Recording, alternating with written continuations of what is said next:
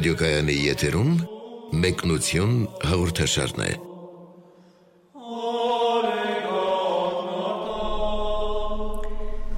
Մեկնություն հաղորդաշարի եթերում արժանապատիվ Տեր Մեսրոպ Քահանա Արամյանը եւ լրագրող Արաքս Պողոսյանն են օրհնյա Տեր հայր։ Աստված օրհնի։ Հայրաբանական գրականության շրջանակներում շարունակում ենք զրուցել առաքելական թղթերից, այսօր սկսում ենք Պողոս Արաքյալի գաղատացիներին ուղված թղթի մեկնությունը։ Այսօրվա հաղորդման համար բնաբան ենք ընտրել, եթե արդարություն օրենքից է, ապա Քրիստոսի զուր մեռավ տողերը։ Թղթի սկիզբը ողջույնի խոսքը, ինչպես միշտ բնորոշ է Պողոս Արաքյալին, նա գրեթե նույն կերպ է սկսում եւ դարձյալ հիմնավորում իր Արաքյալ լինելը ոչ թե մարդկային գործոնով, այլ Հիսուս Քրիստոսով եւ Հայր Աստծով եւ կարեւոր հատվածի վրա եմ ուզում ուշադրությունը հրավիրել եւ ընթերցել այդ հատվածը Զարմանում եմ, որ այդպես շուտ լքում եք նրան, ով Քրիստոսի շնորհով կանչեց ձեզ եւ դառնում եք դեպի ուրիշ ավետարան, բայց ուրիշ ավետարան չկա։ Կան ոմանք, որ խռովություն են սերմանում ձեր մեջ եւ ուզում են շուր տալ Քրիստոսի ավետարանը։ Եթե նույնիսկ մենք կամ երկնքից մի հրեշտակ ավետարանի ձեզ ավելին, քան այն, որ մենք ավետարանեցինք ձեզ, նզովյալ լինի։ Ինչպես ավելի առաջ էլ ասացինք, հիմա էլ դարձյալ ասում եմ, եթե մեկը ավետարանի ձեզ ավելին, քան ինչ որ դուք ընդունեցիք, նզովյալ լինի։ Առաքյալը նշում է, որ շատ շուտ լքեցիք այն ավետարանը, որը ձեզ ավետարանվեց, կոնկրետ Գաղատայի եկեղեցու հետ կապված ինչ լքելու մասին է խոսքը եւ ինչ ասել է շուրտալ Քրիստոսի ավետարանը այս պարագային նմանօրինակ արտահայտություններ հաճախ են հանդիպում, այսինքն որևէ եկեղեցուն ավետարանվել է, այսինքն փոխանցվել է ճշմարիտ ավետարանի վարդապետությունը, այնուհետև սպրդել են այլ ուժեր կամ սուտ եղբայրներ, որոնք փորձել են ուրեմն խարխլել այդ ավետարանի հիմքերը եւ այլ բաներ քարոզել, այսինքն շրջել Քրիստոսի ավետարանը, Պողոս Արաքյալը սրա մասին է, խոսում, այսինքն ստանալով Պողոս Արաքյալից ավետարանը, նրանք այնուհետև սկսել են ուշադրություն դարձնել այլ վարդապետությունների եւ ուսմունքների վրա եւ առաջացել են որոշակի գայթակղություններ։ Դրա համար Պողոս Արաքյալը այս զգուշացումն է անում, որը գրեթե բոլոր եկեղեցիներին նմանօրինակ զգուշացումներ է տալիս։ Իսկ երկնքից հրեշտակ, եթե անգամ ասում է ավետարանի, այս հրեշտակը ինչպես հասկանալ, ուղղակի թե փոխաբերական իմաստով։ Նախ դրանից առաջ ասում եմ, եթե մենք կամ մեկ այլ կամ հրեշտակ կամ հրեշտակ նախ ասում եմ մենք նկատի ունենալով եւ իրեն եւ բոլոր առաքյալներին եւ շատ հետաքրքիր է այս արտահայտությունը որ չի ասում ես ասում եմ մենք մենքը նրանք են որոնց իսկապես վերապահված է ավետարանելը այսինքն նրանք մարդիկ են, որոնք ավետարանի ճշմարտությունը փոխանցել են եկեղեցիներին եւ նաեւ դրանով ուզում է ասել, որ նույնիսկ եթե մեզանից որևէ մեկը գա եւ փորձի այլ բան քարոզել, թող նզովված լինի եւ այնուհետեւ ավելացում է կամ նույնիսկ հրեշտակ երկնքից, որևէ նույնիսկ վեր մարդկային զորություն, ոչ մարդկային զորությամբ ձեզ տրվի իբրև թե հայտնությամբ կամ ինչ որ հրեշտակային ազդեցությամբ եւ այլն եւ այլն ասում է թող նզովված լինի սրանով ասում է որ այն ամենը ինչ որ որ փոխանցես ձեզ դա մարդկային մեկնաբանություն կամ մարդկային խոսքեր չեն դա Աստծո ավետարանն է եւ Աստծո ավետարանի հեղինակը հենց ինքը Աստված է այստեղ մարդկային ոչ մի հեղինակային իրավունքների հանգամանքներ չկան։ Դրա հեղինակը Պողոսը չի կամ Պետրոսը չի կամ մեկ այլ առաքյալ չի։ Իսկ այս նզովքի տակ ինչ պիտի հասկանալ եւ ինչ չպիտի հասկանալ։ Նախ նզովքը դա անեծք չէ, հիշեցնեմ, դրանք տարբեր բաներ են։ Նզովված նշանակում է եկեղեցուց դուրս տրված Այսինքն դա այն մարդն է, որը հաղորդության մեջ չէ եկեղեցու հետ, բայց այս խոսքերը այդքան էլ པարզ չեն, ինչ է նշանակում հաղորդության մեջ չլինել, նշանակում է զրկված լինել շնորներից, որոնք արկա են Քրիստոսի եկեղեցում։ Այսինքն ըստ էության նզովյալը այն մարդն է, որը եկեղեցուց դուրս է, որը բարգացրել է Աստծուն եւ արժանացել է Աստծո շնորներից զրկված լինելու կամ խիստ սահմանափակված լինելու, որտեղ միևն է մարդը առանց որևէ շնորի մնալ չի կարող եթե ապրում է այս երկրի վրա, այսինքն նշանակում է այդ բոլոր ուրեմն հանգամանքներից դուրս դրված լինել։ Հաջորդ հատվածը ընթերցենք. «Արդ մարդկանց եմ ձգտում հաջողացնել թե Աստծուն կամ մարդկանց հաճելի լինել եմ ուզում, եթե ջանայի մարդկանց հաճելի լինել, ապա Քրիստոսին ծառա չէի լինի։ Հայտնում եմ ձեզ եղբայրներ, թե այն ավետարանը, որ ես ձեզ ավետարանեցի, մարդկային ավետարան չէ, քանզի ես մարդուց չարա այն, ոչ էլ որևէ մեկից սովորեցի, այլ Հիսուս Քրիստոսի մի հայտնությունից։ Մեզ արդեն ծանոթ է, կարծես թե ինչ հայտնության մասին է խոսքը, իսկ Հիսուս Քրիստոսի մի հայտնությունից առած ավետարան ասելով ինչ նկատի ունի առաքյալը։ Այսինքն այդ հանդիպումը, որ տեղի ունեցավ Տիրոջ հետ, ինչ իրեն փոխանցեց որպես ավետարան գրափարյան տեքստը ասում է այլ ի հայտնութենեն Հիսուսի Քրիստոսի չի ասում մի հայտնությունից կոնկրետ ինչ որ մի հայտնություն հետ կապելով հայտնությունը հայտնություն է դա ինչ չի նշանակում որ ինչ որ մի անգամ Քրիստոս Պողոս Արաքյալին հայտնվել է ինչ որ մի բան է փոխանցել դա կոնկրետ ինչ որ տեսիքի մասին չէ խոսքը ոչ սա մշտական եկեղեցում արկա հայտնությունն է այսինքն հայտնությամբ Տերը փոխանցում է այդ ճշմարտությունները այսինքն ավետարանը տրված է աստվածային հայտնությամբ։ Սա նշանակում է, որ հայտնելու հեղինակը իսկ հայտնելու ձևերը տարբեր են։ Հայտնելու հեղինակը հենց ինքը Աստված է։ Դրա համար մարդկային մեկնաբանությունները չեն կարող ծռմռել այդ ավետարանը, շրջել։ Դրա համար ասում ենք, ով որ մարդկային մեկնաբանությանը ենթարկում, թող նզովյալ լինի։ Եվ այստեղ Պողոս Արաքյալը հստակորեն շեշտում է այս հանգամանքը, որ մարդով սա չի տրված, այլ հստակ աստվածային հայտնությամբ է իրեն փոխանցած։ Եվ ինչն էր այդ հայտնության հետևանքը փրկagorցություններ, մարդկանց փրկություններ։ Մարդու խոսքը, մարդկային ավանդությունը փրկություն չի կարող գործել միայն աստվածային, որ ավանդությունն է, աստվածային զորությունն է, որ այդ աստվածային խոսքերի մեջ դրած է, որ կարող է փրկություն գործել։ Դրա համար եթե մենք այլ ավետարանի մասին ենք խոսում, որը մարդկային ինչ որ մեկնաբանություններ են, դրանք փրկagorց լինել չեն կարող։ Դրանք ընդհակառակը մարդուն կարող են մոլորեցնել։ Սրա մասին է Պողոս Արաքյալը խոսում։ Նաև խոսում է մարդկանց հաճո լինելու մասին, որ եթե ինքը հաճո լիներ մարդկանց, ապա Աստծուն չէր կարող հաճո լինել, ընդհանրապես հնարավոր է միաժամանակ եւ մարդուն եւ Աստծուն հաճո լինել։ Սկզբունքայինորեն ոչ, եթե մենք բացարձակ իմաստով ենք խոսում, սա չի նշանակում, որ այն ինչ որ հաճո է Աստծուն միշտ տհաճ է մարդուն։ Ոչ, այդպես չի բայց ինչ որ տեղերում մենք ունենալու ենք խնդիրներ։ Մինչև վերջ դա հնարավոր չէ։ Պողոս Արաքյալը ամբողջության մեջ է խոսում։ Այստեղ ես կավելացնեի ամբողջությամբ մարդկանց հաճո լինեմ, այսինքն Աստծուն, որովհետև երբեմն նաև հոգևոր խոսքը շատ հաճելի է մարդկանց ականջին, բայց պետք է հիշել, որ որ մարդկանց մի մարդու ականջին այն կարող է հաճո լինել, որի հոգևոր լսողությունը բաց է Աստծո խոսքի նկատմամբ, բայց որոշ մարդկանց կարող է տհաճություն պատճառել եւ որոշ մարդկանց է բարկություն այսինքն մինչև վերջ չես կարող բոլորին հաճելի կերպով մատուցել Աստծո խոսքը։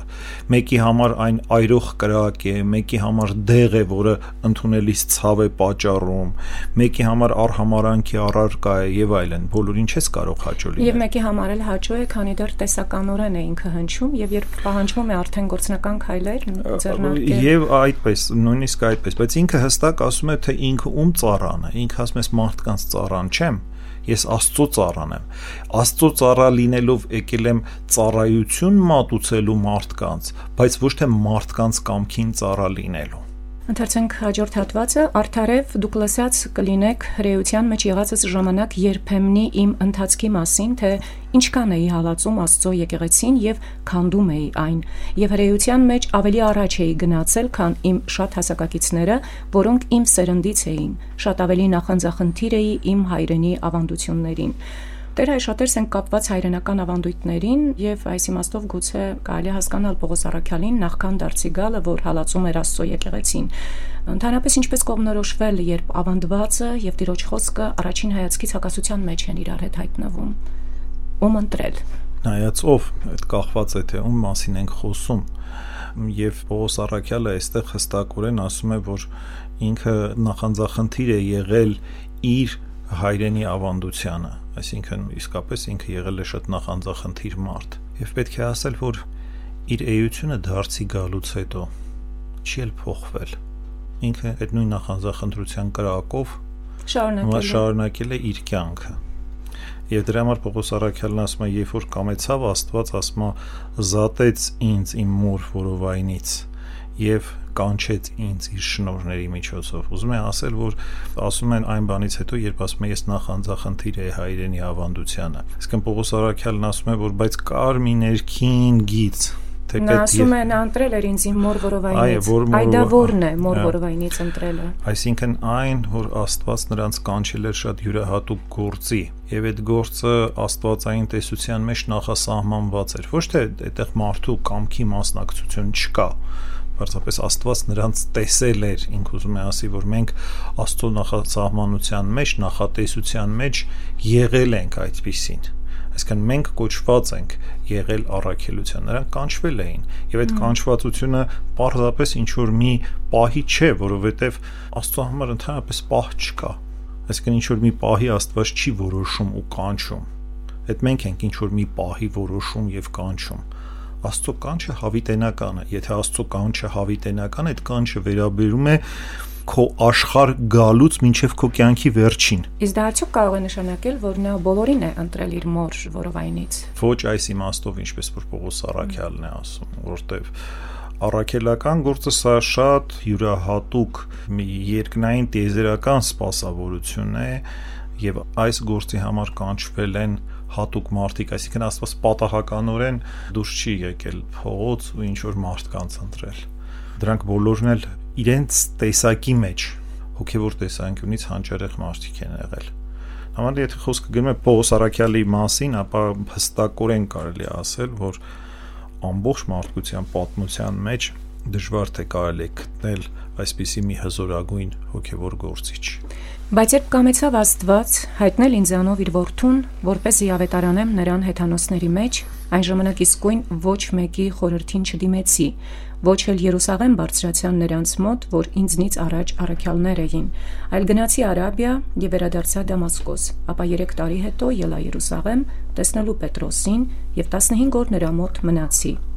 Առաքյալներից ոչ ոքի չտեսա, բացի Հակոբոսից, Տիրոջ եղբորից։ Եվ ինչ որ գրում եմ ձեզ, ահավասիկ Աստծո առաջ եմ ասում, չեմ ստում։ Ապա եկա Ասորիկ եւ Կիլիկիայի կողմերը։ Ինչու է այս մանրամասները գաղատացիներին ուղված թղթում հայտնում Պողոս Արաքյալը։ Սրանք ինչ մանրամասներ են։ Սրանք իր առաքելական կոչման հանգամանքներն են։ Ինքը բացատրում է թե ինչպես է իրեն դա տրվել, ինչպես է ինքը կանչվել Աստծո կողմից արդեն կոնկրետ ժամանակի մեջ հստակորեն, թեպետ ինքը կանչված էր եղել հավիտյաններից, բայց արդեն ժամանակի մեջ ինչպես է կանչվում եւ հետո ասում է որ ես անմիջապես չգնացի Երուսաղեմ որպեսի հստակ այնտեղից ստանայի հաստատում առաքելական քարոզության այլ ինքը եղել է ինքնաբավ վիճակում իր ստացած շնորներով այսինքն ինքը կարիք չի ունեցել որևէ մեկի միջոցով միջնորդավորված ավետարանելու ինքը ասում է հայտնությունը ավետարանի որ ինձ տրվեց կատարյալ էր եւ աստծուց էր ես արդեն կարիք չունեի գնայի մեկից սովորեի նրանցից ովքեր որ արդեն եկեղեցու համարվող, այսպես ասած, սյուներն էին այլ ասում են ինչ որ մի որոշակի ժամանակ անցավ եւ այստեղ ինքը ակնարկում է իր առաքելական հետագա ձեռնադրության մասին ասում է գնացի Դամասկոս եւ այնուհետեւ ասում է եկա Երուսաղեմ սկզբից Արաբիա հետո Դամասկոս հետո եկա Երուսաղեմ տեսնելու Պետրոսին հանդիպում է Պետրոս Արաքյալի հետ եւ այնուհետեւ Հակոբոս Տիառնեղբոր հետ, որտեղ Պետրոս Արաքյալը համարվում էր 12-ի, այսպես ասած, առաջնորդող Արաքյալը, իսկ Հակոբոսը ինքը ընդհանրապես Երուսաղեմի առաջին եպիսկոպոսն է եղել եւ համարվել է Երուսաղեմի առաքելական աթոռի գլուխը այսինքն կարևորագույն արդեն դեմքերի հետ է հանդիպել։ Իսկ ձեր այդ ասած ինքնաբավ լինելը դա գայթակղություն չի ստեղծում այլոց համար, որոնք իրենց եւս կարող են հանկարծ ինքնաբավ եւ եղել են այդպիսի գայթակղություններ անընդհատ, այսինքն ինչի մասին։ Մինչեւ այսօր նույնիսկ։ Մինչեւ այսօր չեմ կարող ասել, բայց ընդհանրապես այն ժամանակ այդ գայթակղությունները կար, որ որտեղից է այդ իշխանությունը, որտեղից է այդ ավետարանը։ Վիճարկում էին Պողոս Առաքյալի հեղինակությունը, վիճարկում էին եւ ինքը բազմաթիվ տեղերում գրեթե բոլոր թղթերում դա ապացուցելով գնում է, որ ինքը իսկապես ունի այդ առաքելությունը Աստծուց իրեն տրված։ Հաջորդ հատվածը եւ ես անձնապես անցանոթ էի եկեղեցիների հավատացյալներին, որոնք թլպատված լինելով դարձել էին Քրիստոս Բայց լսած էին, թե նա, որ մեզ այն ժամանակ հալածում էր, այժմ քարոզում է այն հավատը, որը մի ժամանակ քանդում էր, եւ ինձնով փառավորում էին Աստծուն։ Ընդհանրապես Տեր հայր Պողոսը իր նման այսպես անհույսի դարձի գալու օրինակը բարբերաբար հիշեցնում է, դրանով ուզում է ասած լինել, որ ոչ մեկի համար դարձի գալու հույսը կորած չէ,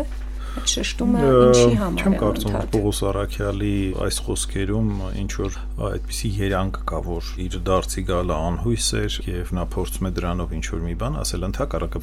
այստեղ ինքը հակառակը խոսում է, որ բազմաթիվ մարդիկ կային, որոնք թլպատությունից էին եկել եւ ասում է երբ ինձ տեսնում էին առավել եւս հաստատվում էին հավատքի մեջ եւ փառավորում էին Աստծուն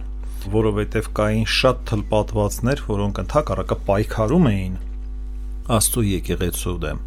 Եվ բնականաբար հрья քրիստոնյաները խիստ փոքրամասնություն էին, խիստ մինչև այսօր էլ նրանք խիստ փոքրամասնություն են հրեական աշխարհում։ Եվ ասում եմ, բայց այդ փոքրամասնությունը տեսնելով ինձ որ մի ժամանակ ես եղել եմ այդպիսի նախանձավոր հալածող քրիստոնեության եւ հիմա քարոզում եմ քրիստոնեություն, ասում եմ փառավորում էին Աստծուն ինձանով։ Այնուհետև 14 տարի հետո նորից ելա Երուսաղեմ Բարնաբասի հետ, ինձ հետ վերցնելով նաև Տիտոսին, եւ այնտեղ ելա ինձ պատահած մի հայտնության հետևանքով, եւ նրանց ներկայացրի այն ավետարանը, որը քարոզում էի հեթանոսների մեջ, մասնավորապես նրանց, որոնք երևելիներ էին համարվում, այն մտածումով, որ միգուցե իմ ընթացքը իզուր եղել կամ իզուր է նորից հայտնության մասին է խոսում իրեն պատահած եւ 14 տարիներ է ակնարկում դրանք ինչպիսի տարիներ էին Պողոս Արաքյալի համար Պողոս Արաքյալը արդեն դրանից հետո շատ մեծ քարոշչություն էր ամբողջ աշխարհով մեկ ծավալել բազմաթիվ տեղերում հաստատելով Քրիստոսի եկեղեցին եւ ասում է ելա նորից գնացի բարձացա Երուսաղեմ ասում է ըստ հայտնության նորից արևելայերեն թարգմանության մեջ ըստ մի հայտնության ըստ հայտնության է գրափարում որը կարելի է եւ ըստ մի հայտնության թարգմանել եւ ըստ հայտնության էլ թարգմանել այսինքն նա հայտնությամբ է գնացել աստվածային հայտնության առաջնորդությամբ գնաց Երուսաղեմ Եվ փաստորեն ինքը նկարագրում է, որ մոտ 14 տարի ինքը իրականացնելուց հետո իր առաքելական քարոշչությունը նորից գնում է Երուսաղեմ եւ այնտեղ արդեն կարեւոր են հաջորդ խոսքերը, թե ինչ տեղի ունեցավ Երուսաղեմում եւ դրանից հետո։ Եվ հեթանոսների մեջ ավետարանելը ինչ որ հատուկ ռազմավարություն եւ մեթոդ էր պահանջում, ընդհանրում։ Անշուշտ անշուշտ դա հեթանոսական աշխարհ լրիվ այլ ժառանգությամբ այլ քաղաքակրթության, փիլիսոփայության, բնական է, որ հрьяաների մեջ քարոշչությունը լրիվ այլ ռազմավարություն պետք է ունենար, հեթանոսների մեջ քարոշչությունը այլ Դժվարության առումով սակայն պետք չէ համեմատել այնտեղ թե այնտեղ առավել դժվար։ Դժվար է ասել։ Հрьяաների մեջ էլ քարկոցում եւ սպանում էին այդ ավետարանողներին, հեթանոսների մեջ էլ գազանների բերանն էին գցում ու խաչ էին անում, այսինքն հիմա կարելի է վիճել թե որ մահն է ավելի, այսպես դյուրին կամ որ չարչարանքը, բայց չարժի այդպիսի դետալների մեջ մտնել։ Եվ Տիտոսն իսկ որ ինձ հետ էր, թեև հեթանոս չպարտավորվեց թլպատվել հակառակ ներս սպրդած սուտ եղբայրներին։ Նրանք սպրդել մտել էին վրտեսելու մեր այն ազատությունը, որ ունենք Քրիստոս Հիսուսով, որ เป զի մեզ ծառա դարձնեն նույնիսկ ժամանակավորապես չանսացին հնազանդվել նրանց, որպեսի ավետարանի ճշմարտությունը հաստատ մնա ձեր մեջ։ Այդ ներ սպրդած եղբայրները հрьяաներ էին, հрьяությունից էին եւ հեթանոսներին պարտադրում էին նախ որքան հասկացա հрьяությանը դառնալ եւ միայն այդ կերպ քրիստոնեությանը։ Նրանք դիտում էին, որ քրիստոնեությունը հрьяական որոշակի ավանդության շարունակությունն է, ուստի պետք է այդ ավանդության այսինքն օրենքի պահանջները պահպանվեին, որպեսի մարդու քրիստոնյա դառնալը լիարժեք լիներ։ Այլ կերպ ասած, նրանք հենց այդ սուտ եղբայրներն էին, որոնք մտածում էին, որ քրիստոնեությունը ինչ որ մի կծված բան է իրենց այդ հրեական ավանդությանը կամ դրա ինչ որ մի շարունակությունն է, բայց Օսարաքյալը հստակորեն այստեղ հենց այս թղթի մեջ շեշտադրում է, որ մինչև օրենքի համար չմեռնես, դու չես կարող Քրիստոսին ժառանգել։ Այսինքն օրենքը նրա համար է, որովհետեւ այդ օրենքի համար մեռնես։ Եվ ոչ թե այդ օրենքը պաշտես կամ պաշտամունքի առարկա դարձնես։ Եվ ամենաառանցքային միտքն է այս գլխի հնչեցնում։ Այո, Նրանք սպրդել, մտել էին տեսելու մեր այն ազատությունը, որ ունեն Քրիստոս Հիսուսով։ Եվ նրանք չէին հասկանում Քրիստոս Հիսուսով տրված ազատության իմաստը։ Դա լրիվ այլ ազատություն էր։ Եվ Պողոս Արաքյալը հստակ է ասում է մենք մի վարքան անգամ, մի բան անգամ նրանց չլսեցինք որպեսի ասում է Քրիստոսի ավետարանի քարոշչությունը հաստատվի ձեր մեջ այսինքն սա վկայություն է ինքը ասում է որ այն ինչ որ որ մենք ձեզ ենք ասում հիմա այսինքն գաղատացիներին է խոսքը ուղված ասում է մենք մի վարքյան անգամ այդ ճշմարտությունը ուրիշ տեղում, ուրիշ ձևով չարտահայտեցինք, այլ նույն վկայությունը պահպանեցինք, բայց նաև այստեղից էլ հստակ է, որ Գաղատիայում հաստատված բավականին լուրջ իրական համայնք կա, որովհետև ինքը այս ամենը ինչ որ որ նկարագրում է, խոսքը միայն ուղված չէ հեթանոսներին, այս խոսքի մեջ նաև արկա է որոշակի ակնարկ այնտեղ ապրող հրեական համայնքին։ Եվ այստեղ շեշտում է, որ որպեսի մեզ ծառա դարձնեն, այսինքն լրտեսեցին այն ազատությունը, որ Քրիստոսով ստացանք, որպեսի մեզ ծառա դարձնեն իրենց ծառա դարձնելու չար միտումով էին սողոսկել եւ որպես լրտեսներ ուզում էին Քրիստոսով ազատագրվածների որսալ, թե չէին ընկալում Քրիստոսի վերած ազատություն, ինչպես դուք ակնարկեցիք, որ չէին ընկալում։ Ոչ միայն չէին ընկալում, ըստ էության իրենք կեղծավորություն էին անում քրիստոնեության մեջ։ Իսկն իրապես լրտեսում էին։ Այո, իրապես լրտեսում էին, որպեսի կարողանան օգտագործել Պողոսին եւ այլ, այսպես ասած, մեծ հեղինակությունների իրենց կեղծ իշխանությունը մարդկանց վրա հաստատելու համար։ Ինչ վերաբերում է Երևելիններին, թե նրանք երբևիցե մի բան եղել են, իմ հոգը չէ, քանզի Աստված մարդկանց աչառություն չի անում, այդ Երևելիները նման որևէ բան չիմացրին ինձ։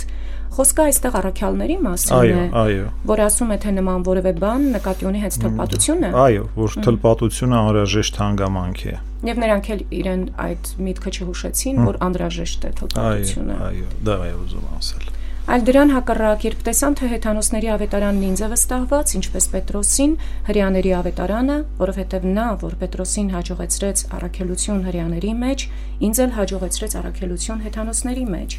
Երբ Հակոբոսը, Կեփասը եւ Հովանեսը, որոնք սյուներն էին համարվում, իմացան այն շնորհների մասին, որ տրված էին ինձ, հավանության ձեռք մեկնեցին ինձ եւ Բարնաբասին, որպեսի մենք գնանք հեթանոսների մեջ, իսկ իրենք հрьяաների մեջ։ մեջ միայն թե նրանք խնդրեցին, որ հիշեն կաղքատներին եւ ես հոգ տարա այդ նույն բանն անելու։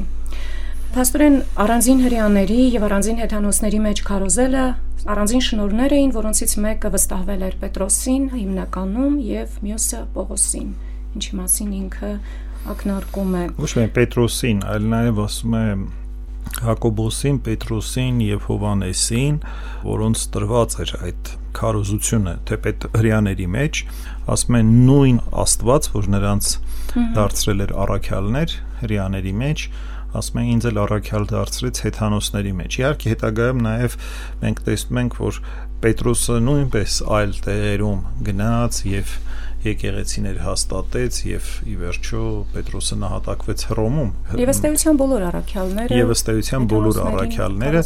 այսինքն այդ հрьяաներին քարոզելը այդ նախնական նրանց առաքելական դաշտներ կամ հիմնական առաքելական դաշտներ, այնուհետև նրանք շարունակեցին այդ նույն բանը, որ Պողոս առաքյալը արել է շատ տեղերում, նրանք նույնպես այլ երկրներում շարունակեցին։ Եվ երբ Կեփասն Անտիոք եկավ, ընդդիմացան նրան, որովհետև մեղադրելի ընթացքի մեջ էր, քանզի մինչ Հակոբոսի շրջանակից ոմանք դեռ չէին եկել, նա հեթանոսների հետ էր ուտում անխտիր։ Իսկ երբ եկան, բաժանվեց եւ մի կողմ քաշվեց, վախենալով թլպատության կողմնակիցներից, եւ ուրիշ հрьяաներ էլ կեղծավորություն արեցին նրա հետ։ Մինչև իսկ Բարնաբասը ներքաշվեց նրանց կեղծավորության մեջ։ Իս երբ տեսա, որ ուղիղ չի ընթանում ավետարանի ճշմարտությամբ, բոլորի առաջ կեփասին ասացի. Եթե դու, որ հրեա ես, հեթանոսի նման ես ապրում եւ ոչ հրեայի, ինչու ես ստիպում հեթանոսներին, որ հրեայի նման լինեն։ Այս միջադեպը Տեր Հայր Պողոս Արաքյալը հարկ է համարում գրավոր վկայել եւ հիշատակել։ Արդյոք դա ստվեր չէր գցելու Պողոս Արաքյալի եւ նաեւ Բարնաբասի կերպարի վրա, ոչ միայն այդ, այլև հետ այսու բոլոր ծերունդների աչքին։ Եվ այդ միջադեպին կուզեմ անդրադառնալ ընդհանրապես։ Այդ ինչ միջադեպ էր, որը հանդիմանանքի էր արժանացել Պողոս Արաքյալի կողմից միջադեպը նկարագրված է շատ բարձ լեզվով, շատ հստակագրված է, ասում է, որ մինչ այդ նա բավականին ազատ կերպով գործում էր հեթանոսների մեջ, այսինքն ուտում էր նրանց հետ, չպահպանելով հրեական օրենքը, քրիստոնեության մեջ դրա պահպանման այլևս պարտադրանք չկա, ազատ է քրիստոնեության մեջ մարդն այլևս այդ օրենքի կաշկադումներից, բայց ասում եմ, բայց երբ եկան թլպատությունից, այսինքն Հրեաստանից, ասում եմ, եկան մարդիկ, նրանց մոտ նա արդեն սկսեց ուրիշ ձևով իրեն պահել Այսինքն դա դիվանագիտական քայլ էր Արաքյալի կողմից։ Միգուցե դրա մեջ Պողոս Արաքյալը տեսնում է մի տեսակ հարմարվորողականություն եւ զգուշություն, բայց նաեւ պետք է ասել, որ հրեական միջավայրում էլ խիստ կանոնական, այսպես ասած, մոտեցումներ կար։ Այնտեղի դեռ քրիստոնյաները այդ ժամանակ համարում էին, որ Երուսաղեմի եկեղեցին է հիմնական եկեղեցին եւ միակ ճշմարիտ ոնց որ իսկապես այսպես ուղափառ հավատքի ընկալումը կամ ավետարան Հայաստանի քարոշչությունը իրենց մոտ է։ Դրա համար ամեն դեպքում ինչ էլ որ լինի, կար զգուշացում այսինքն զգուշ մի վիճակ կար Երուսաղեմի եկեղեցու նկատմամբ, այսինքն ամեն բան համեմատվում էր նրա հետ, ինչ կատարվում է այնտեղ։ Եվ Պողոսն էլ քանիցս վկայակոչում է Երուսաղեմի եկեղեցու հանգամանքը, այսինքն նա հոգևոր կենտրոնն էր, ամեն դեպքում հոգևոր կենտրոնն էր։ Այսինքն Պետրոս Արաքյալի կողմից այդ քայլը խոսում է մարդկային տկարության հաճոյանալու մարդուն դրա մասին, թե դիվանագիտության եւ եւ, բայց այստեղ խնդիրը ուրիշ բանի մեջ է, ասում եմ, եթե դու որ հрья ես եւ հեթանոսաբար ես ապրում ոչ հрьяաբար, ասում եմ, ինչի՞ ես ստիպում հեթանոսներին ընթանալ հрьяորեն։ Բայց ինչի մասին է խոսում։ Պողոս Արաքյալի հանդիմանությունը ինչի մասին է Թլպատություն։ Ոչ, ամենևին էլ ոչ։ Ինչ է նշանակում հեթանոսաբար ես ապրում եւ ոչ հրեաբար։ Այսինքն նշանակում է, որ դու հարմարվում ես եւ ոչ թե քո հոգեվոր առանցքն ես պահում այս հարմարվողականության մասին է խոսում եւ ասում է ել ինչ ես նրանց ստիպում այդպես ապրելու, կոչ ես անում այդպես ապրելու։ Այսինքն այստեղ ուղակի կա որոշակի հանդիմանություն եւ ամենևին էլ այս խոսքերը չեն կարող գայթակղության առիթ դառնալ։ Նախ եղել են առաքյալների մեջ հակասություններ, պետք չի սրանից վախենալ։ Սուրբերի մեջ էլ են եղել հակասություններ, իրար չեն Եվ է։ Եվ ընդհանրապես ասենք պետք է հիշել, որ առաքյալները դրանք աստվածներ չէին, մարդիկ էին եւ նրանց նույնպես բնորոշ են մարդկային տարբեր տեսակի տկարություններ այդ թվում նաև վախեր այդ թվում նաև դիվանագիտության, վախի, ինչ որ հարմար ողականության ինչ որ վիճակներ Հնարավոր են այսպիսի վիճակներ, որտեղ մարդը քարից չէ եւ միշտ էլ կարող է վտանգների արժեվ որոշակի այդպիսի իրավիճակներ դրսևորել, բայց ամենակարևորը դա չէ, կարևորը նրանց էությունն է, կարևորը այն գործն է, որ նրանք անում են եւ ասում եք ամենակարևոր բանը այն չէ, որ լավ է սկսում կամ լավ է ընթանում, կարևորը որ լավ է վերջանում։ Իսկ Պետրոս Արաքյալի կամ այլ առաքյալների, այսպես ասած, կյանքի եզրափակումը արդեն ամեն ամենամեծ ապացույցն է նրանց ով լինելու այսինքն այս ամեն ինչով հանդերձ ինքը միշտ էլ ասում է որոնք կարծեցյալ գլուխներն էին այսինքն ինքը ընդունում է հեղինակությունը հստակորեն շեշտում է Պետրոսի Հովանեսի Հակոբոսի նրանց այսինքն այդ հեղինակության ընդունման հարցը կա բայց ասում է այս վիճակում դուրս չեկավ եւ ինքը ինչ որ մի իրավիճակ է նկարագրում որը ես կարծում եմ կարևոր մասերից մեկն է որ հանկարծ մենք չմտածենք, որ այդ մարտիկ, այսպես ասած, անսխալական մարտիկ են, հա, անսխալական մարտիկ են եղել։ Իսկ մենք որ իսկական հрьяաներ ենք եւ ոչ թե այդ հեթանոս մեղավորներից գիտենք, որ մարդ չի արդարանա օրենքի գործերով, այլ միայն Հիսուս Քրիստոսի հավատով եւ մենք հավատացինք Քրիստոս Հիսուսին, որ เป զի արդարանանք Քրիստոսի հավատով եւ ոչ թե օրենքի գործերով, քանի որ ոչ մի մարդկային էակ չի արդարացվելու օրենքի գործերով։ Ասում է, որպեսի արդարանանք Քրիստոսի հավատով եւ ոչ թե օրենքի գործերով։ Եվ այս միտքը հետաքրքիր է, որ դարեր հետո Մարտին Լյութերը վերցրեց եւ դրա վրա կառուցեց մի ամբողջ տեսություն եւ դրա վրա կարծես թե հենց բողոքականությունը կառուցվեց եւ ինքը շատ սիրում էր գաղատացիներին ուղված թուղթը եւ մեկնել էր եւ սա վտանգավոր միտք չէ, եթե դրա հասուն ընկալումը չես ունենում։ Ես կարծում եմ, որ սա հենց այն պահը չէ, որի վրա հատկապես հենվում է բողոքականությունը, որովհետև այստեղ օրենքի գործերն ու հավատքն են իրար հակադրվում։ Ահա ընդհանրապես հին օրենքը եւ նոր օրենքն են իրար հետ հակադրվում բողոքականների մոտ ավելի վտանգավոր պահ կա, որ իրենք ասում են, որ ոչ թե չէ, ընդհանրապես հավատքը եւ գործերը, ոչ թե հին օրենքի գործերը, Ընդհանրապես հավատքի գործերը։ Եվ իրենք ասում են, որ ինչ գործել, որ գործես, գործով չի, որ դու արդարանում ես, այլ հավատքով, որը ճշմարտություն է, բայց մյուս կողմից էլ հավատքը այդ գործերից անբաժանելի է, որտեղ մեռած է։ Հա, բայց այդ օրենքի գործերի մասին չէ խոսքը, հավատքի գործերի մասին է խոսքը, դրանք տարբեր բաներ են։ Այստեղ Պողոս Արաքյալը հակադրում է օրենքի գործերը եւ հավատքը։ Հավատքը նոր օրենքն է Քրիստոսի նոր ավետարանն է։ Այդ նոր ավետարանի գլխավոր սկզբունքն է, զորությունն է։ Ավետարանը Քրիստոսի կապված է հավատքի հետ։ Հավատքն է մեզ կապում այդ ամբողջ ավետարանի ներքին իմաստների հետ։ Բայց ինքը խոսում է օրենքի գործերի մասին, որ օրենքը ասում է, որ այսպես պիտի անես, այսպես պիտի անես, այսպես ասում է օրենքով ոչ ոք չի կարող արդարանալ։ Ինչպես եւ չարթարացավ։ Այո, որովհետև այդ օրենքի իմաստը Քրիստոսի արդարությանը նախապատրաստելն էր։ Այսինքն եթե չկա Քրիստոս, եթե Աստծո հայտնությունը չկա, այդ օրենքը ինքնին անիմաստ է, որտեղ այդ օրենքի իմաստը նրանումն է, որ քեզ նախապատրաստում է, որ դու Աստծո հետ անմիշնորդ հարաբերություն ունենաս։ Բայց օրենքը քեզ չի կարող այդպիսի անմիշնորդ հարաբերության միջնորդություն տալ։ Ինքը քեզ նախապատրաստում է, որպեսի դու ճանաչես Աստծուն, բայց քո ճանաչողության պայմանը օրենքը չի այլ ընդհանրապես նախապատրաստությունն է։ Այլ կերպ ասած 5 կտակարանը առանց նոր կտակարանի չի կարող իմաստավորված լինել, որտեղ այդ 5 կտակարանը ինչ որ մի բան է անում մարդու հետ, որպեսի այդ մարդը գա եւ հանդիպի Քրիստոսին։ Եթե Քրիստոսի հետ չպիտի հանդիպի, այդ 5 կտակարանի ամբողջ նախապատրաստությունը իզուր է անցել։ Այսինքն մենք չենք կարող ասել, որ նախապատրաստության գործընթացը արդեն իսկ Աստծո հետ հանդիպումն է կամ Աստված ճանաչողությունն է։ Դա մեր նախապատրաստությունն է։ Դրա համար այդ գործերի վրա ասում է հույս դնել չի կարելի, որովհետև այդ գործերի նպատակը հավատքի ազատության մեջ մտնել է։ Եթե հավատքի ազատությունը չի կատարվել, նշանակում է այդ գործերը անիմաստ են եղել։ Անիմաստ, որովհետև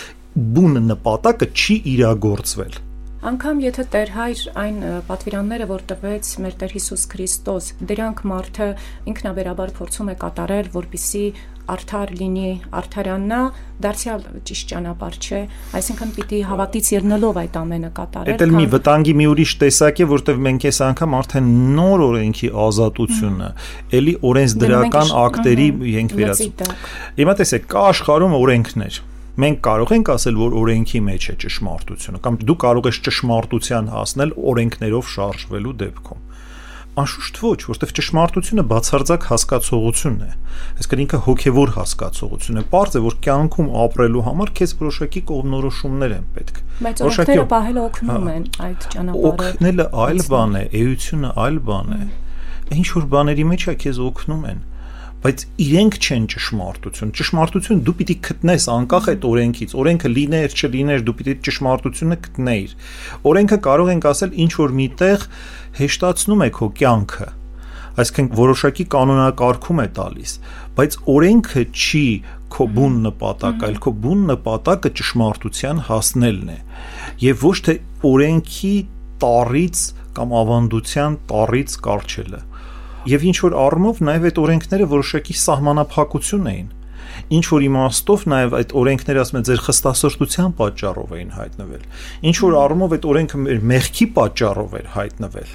այսինքն որպեսի սահմաններ թե մեղքը ինչ է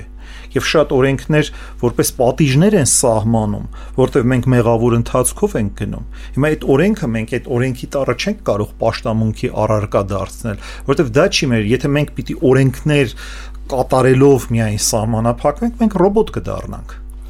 Հաջորդ հատվածը, եթե Քրիստոսով արդարանալ ուզելով մեղավոր գտնվեցինք, ապա ուրեմն Քրիստոս մեղքին ծառայեց, քավլիցի, որովհետև եթե ինչ որ ես քանդեցի, նույնը վերստին շինեմ, ապա ինքս ապացուցած կլինեմ, որ մեղավոր եմ, քանի որ ես օրենքի տակ մեռա, օրենքի համար, որ เป զի ապրեմ Աստծո համար։ Այսինքն այնինչ մեղք չհամարեց Քրիստոս, մենք մեղք ենք համարում, այդպեսով ստացվում է, որ Քրիստոսին ենք մեղավոր հանում։ Դա է ռետորիկ արտահայտությունն է, եզրափակիչ միտքն է շատ կարևոր։ Բնականաբար Պողոս Արաքյալը հաճախ է այդ ռետորիկ արտահայտությունները անում ասում է որ եթե արթարանում ենք եւ ասում է Քրիստոսով եւ ասում է մեղավոր գտնվեցինք ինչա Քրիստոս ասում է մեղքին ծառայեց քավլիցի բնականաբար քավլիցի այսինքն ինչ կապ ունի իսկապես դա Քրիստոսի հետ դա է ուզում ասել Պողոս Արաքյալը բայց շատ կարեւոր է այս հանգամանքը ասում է որ ես օրենքով օրենքի համար մեռա որպեսի Աստծո համար ապրեմ այսինքն օրենքի նպատակը նպատակադրությունը Քրիստոս է բայց օրենքը ունի մի միջանկյալ այլ նպատակ որպեսի դու իր համար մեռնես որպեսի իր օրինականությունը այլևս քո մեջ չգործի հենց որ իր օրինականությունը քո մեջ չգործեց կամ ինքը մեռավ քեզ համար դու միայն այդ դեպքում կարող ես մտնել Քրիստոսի ազատության մեջ կամ հավատքի ազատության մեջ սա սկզբունքային պահ է զի ես օրինոք օրինացն մեղա ես օրենքով օրենքի համար մեռա որպեսի Աստծո համար ապրեմ այսինքն նոր մարդուն քրիստոնյային ինքը օրենքի հետ նոր հարաբերության հարթության վրա է դնում այսպես օրենքը ինքը շատ հարաբերական հին ժառանգությանը վերաբերող բան էր այսինքն կար այդ օրենքը գրավորչյաներին տրված մարդկությանը կար բնական օրենքը տրված բոլորն էլ ինչ որ օրենքով էին առաջնորդվում մի մասը ոնց որ ասած ներքին օրինաչափություն է, բայց բոլորն էլ ունեին այդ առաջնորդող կողմնորոշող լույս, այդ կողմնորոշող լույսը նման էր այդ աստղին, որ մոգերին էր առաջնորդում, բերեց, հասցրեց Հիսուս Քրիստոս։ Այնուհետև էլ այդ աստղի մասին չի խոսվում։ Այդ աստղը կարևոր էր, ինչև գային իրենք հասնեին Հիսուս։ Այ մոտավորապես դրա սիմվոլը այդ աստղն է։ Բերեց Քրիստոսի մոտ վերջացավ արդեն մենք Քրիստոսի առաջնորդության տակ ենք։ Այսինքն ամբողջ մարդկությունը որոշակի չափանիշներով նախապատրաստվում էր այդ ազատությանը գրավոր եւ այսպես բնական օրենքով։ Գար հասներ Քրիստոսին։ Բայց երբ որ հասար դու Քրիստոսին, մի պայման կա պիտի մեռնես դրա համար։ Եվ հստակ ասում եմ, ինչև այդ չմեռնի ծորենի հատիկը սերմանվելով հողի մեջ։ Ասում եմ ինքը միայն կա, այսինքն եթե դու ուզում ես միայն հենց այդպես էլ մնալ, մնա այդպես բայց ասում է եթե մեռնես բազում արդյունք ես տալու եւ ասում է ով որ կամենում է իր անձը գտնել պիտի կորցնի այդ անձը այդ կորցնելու մասին է խոսում պիտի օրենքի համար կորցնես քո անձը որովհետեւ Քրիստոսի համար գտնես Եվ հաջորդող եւ ավարտական տողերը հենց ամփոփում են այս հիմնական առանցքային միտքը։ Քրիստոսի հետ խաչը ելա կենթանի եմ այսուհետև, բայց ոչ թե ես, այլ իմ մեջ ապրում է Քրիստոս։ Իսկ հիմա որ կենթանի եմ մարմնով, Աստծո որդու հավատով եմ ապրում, որ սիրեց ինձ եւ իրեն մահվան մատնեց ինձ համար։ Եվ ես Աստծո շնորհը չեմ անարգում, քանի որ եթե արդարությունը օրենքից է, ապա Քրիստոս իզուր մեռավ։ Այսինքն պիտի կատարել օրենքը, բայց հույսը չդնել դրանով արդարանալու վրա, այլ Քրիստոսի հավատի, սա է ստերեգույթին բուն ասելիքը եւ մեղը։ Հիմնական միտքը արդեն այստեղ Պողոս Արաքյալը ասում է, այդ մեռնել օրենքի համար որպեսի կենթանանաս Աստծո համար եւ շարունակում է դրա իրագործման ճանապարհ ասում է որովհետեւ Քրիստոսի հետ ասում է խաչ եմ բարձացել ասում է որ ես ոչ միայն իմ խաչը վերցրել եմ եւ գնացել եմ Քրիստոսի հետևից ասում է ես նրա հետ բարձացել եմ խաչ այսինքն կատարելապես խաչել եմ ինձ այս աշխարհի համար քանի որ ես ինձ կատարելապես արդեն խաչել եմ այս աշխարհի համար այլևս ես կենթանի չեմ ոչ թե ես եմ կենթանի այլ Քրիստոս որ իմ մեջ է սա հիրավի առանցքային մի հասկացողություն է քրիստոնեական գագաթային այ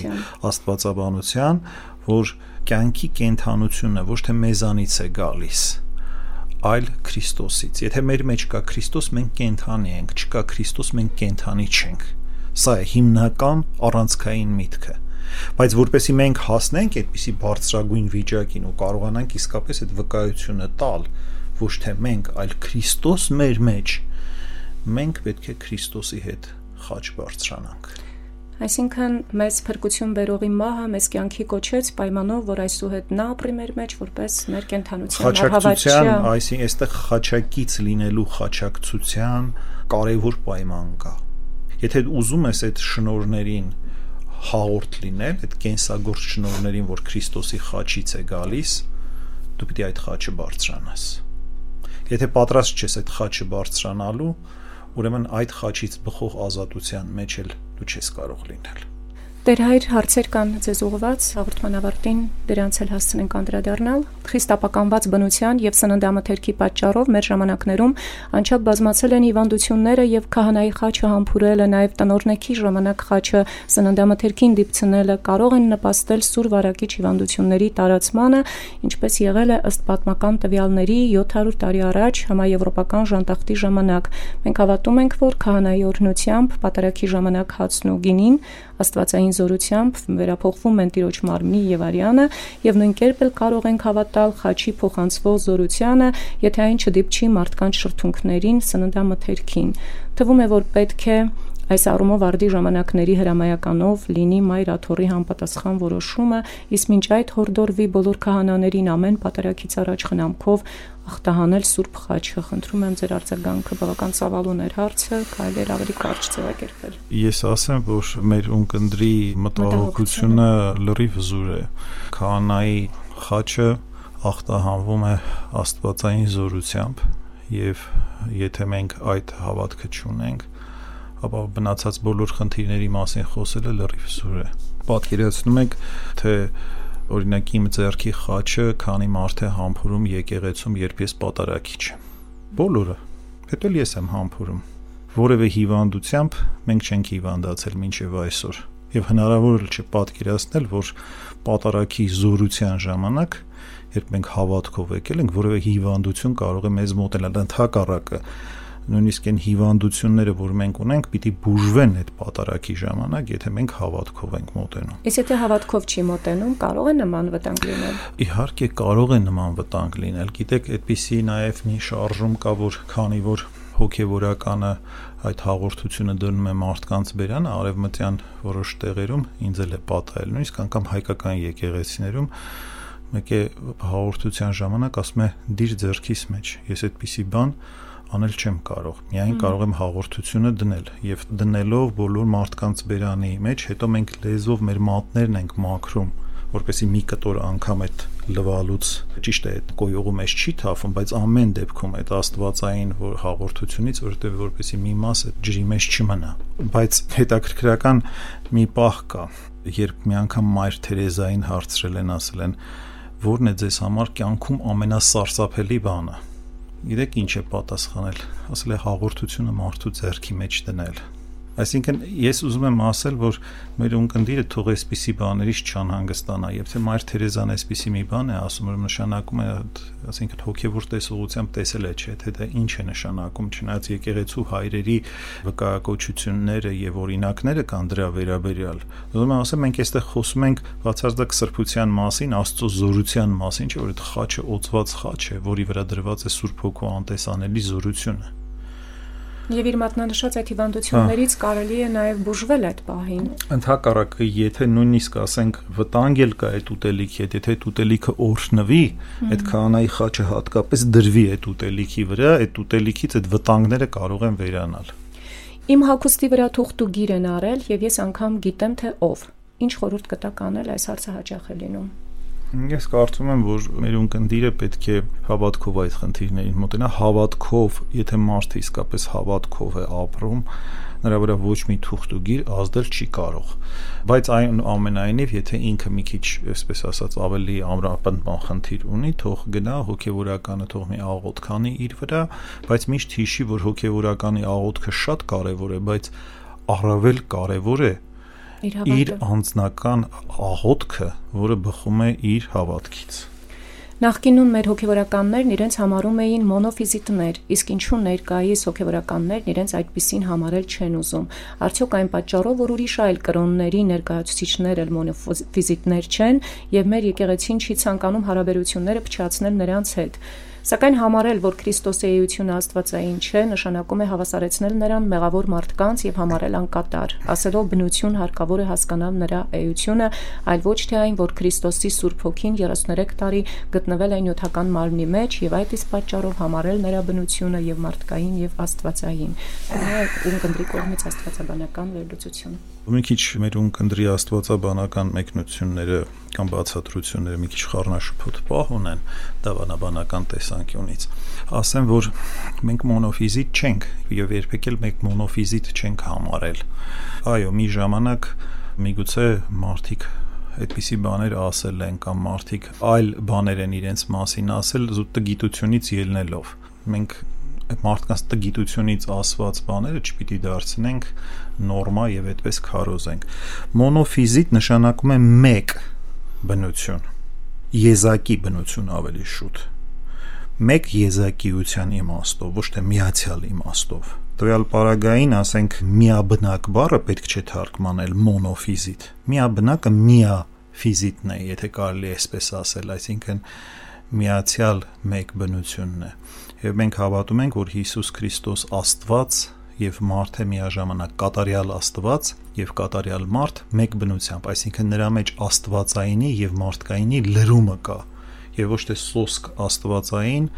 ինչպես մեր ունկնդիրն է փորձում այսպես ասած քարոզել, այսինքն այն ինչ որ ինքը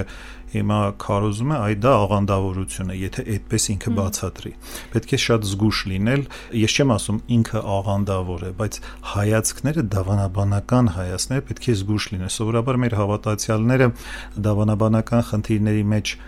կողմնորոշված չլինելով եւ նույնիսկ ծուլանալով մի քիչ կարդալ, երբեմն այնպիսի արտասավոր մեկնաբանություններ կարող են տալ քրիստոսաբանության վերաբերյալ, որ ուղղակի սարսափում ես ուղղակի այս մարդը այսքան անգամ նիկեական հանգանակը կարդալով ինչպես է եկել հանգել այդպիսի եզրահանգման դրա համար մենք հավատում ենք որ Քրիստոս կատարյալ Աստված է եւ կատարյալ մարդ որ Աստված Աստված է եւ մարդը մարդ եւ Աստված չի փոխակերպվում մարդու եւ անշփոթելիորեն այսինքն երբեք աստվածայինը չես կարող մարդու հետ շփոթել բայց միևնույն ժամանակ այս միավորումը թե ինչպես է աստված մարդու հետ միավորվել մեկ բնության մեկ անձի մեջ մեկ կամքի մեկ ներգործության մեջ մեր եկեղեցու հայրերը անվանում են անճարելի միություն այսինքն այդ միությունը անճարելի է եւ ենթակա չէ մարդկային մտաբանությունների կամ մարդկային սխեմաների ենթարկելու ռուսո Ուղղափառ եկեղեցին ժամանակին նզովել է գրողներ Դոստոևսկուն եւ Տոլստոյին։ Ըստ ձեզ արդարացի էր ռուս հոգեվորականների այս արարքը, թե ոչ։ Դոստոևսկու մասին չեմ լսել, Տոլստոյի մասին լսել եմ, որովհետև Տոլստոյը ուներ որոշակի վտանգավոր կրոնական գաղափարներ, շեղումներ, տալստիզմ հենց որ ասում են, վերաբերում են նրա, իսկն ինքը ակնհայտ ուներ հայացքային շեղումներ դեպի, ասենք, բողոքականության կողմ տանող շեղումներ, որի համար նա նզովվել է եկեղեցու կողմից։ Այսինքն եկեղեցուց դուրս է դրվել։ Եկեղեցուց դուրս է դրվել, այո, բայց Դոստոևսկու մասին ես չեմ լսել, եւ առաջի անգամ եմ լսում այդպիսի ստերեոտիպ շփոթ կա։ Մեկնություն հաղորդաշարի եթերում արժանապատիվ Տերմեսրոպ Քահանա Արամյանն էր եւ այսօր մենք անդրադարձանք Պողոս Արաքյալի գաղատացիներին ուղղված թղթի առաջին եւ երկրորդ գլուխներին։ Օրնյա Տեր հայր։ Աստվածո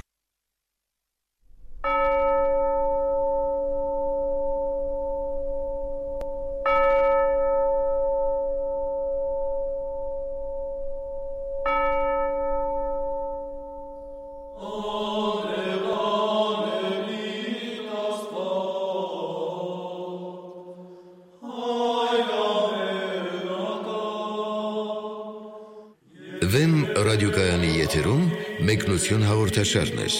Զրույցը վարեց Արաքս Պողոսյանը։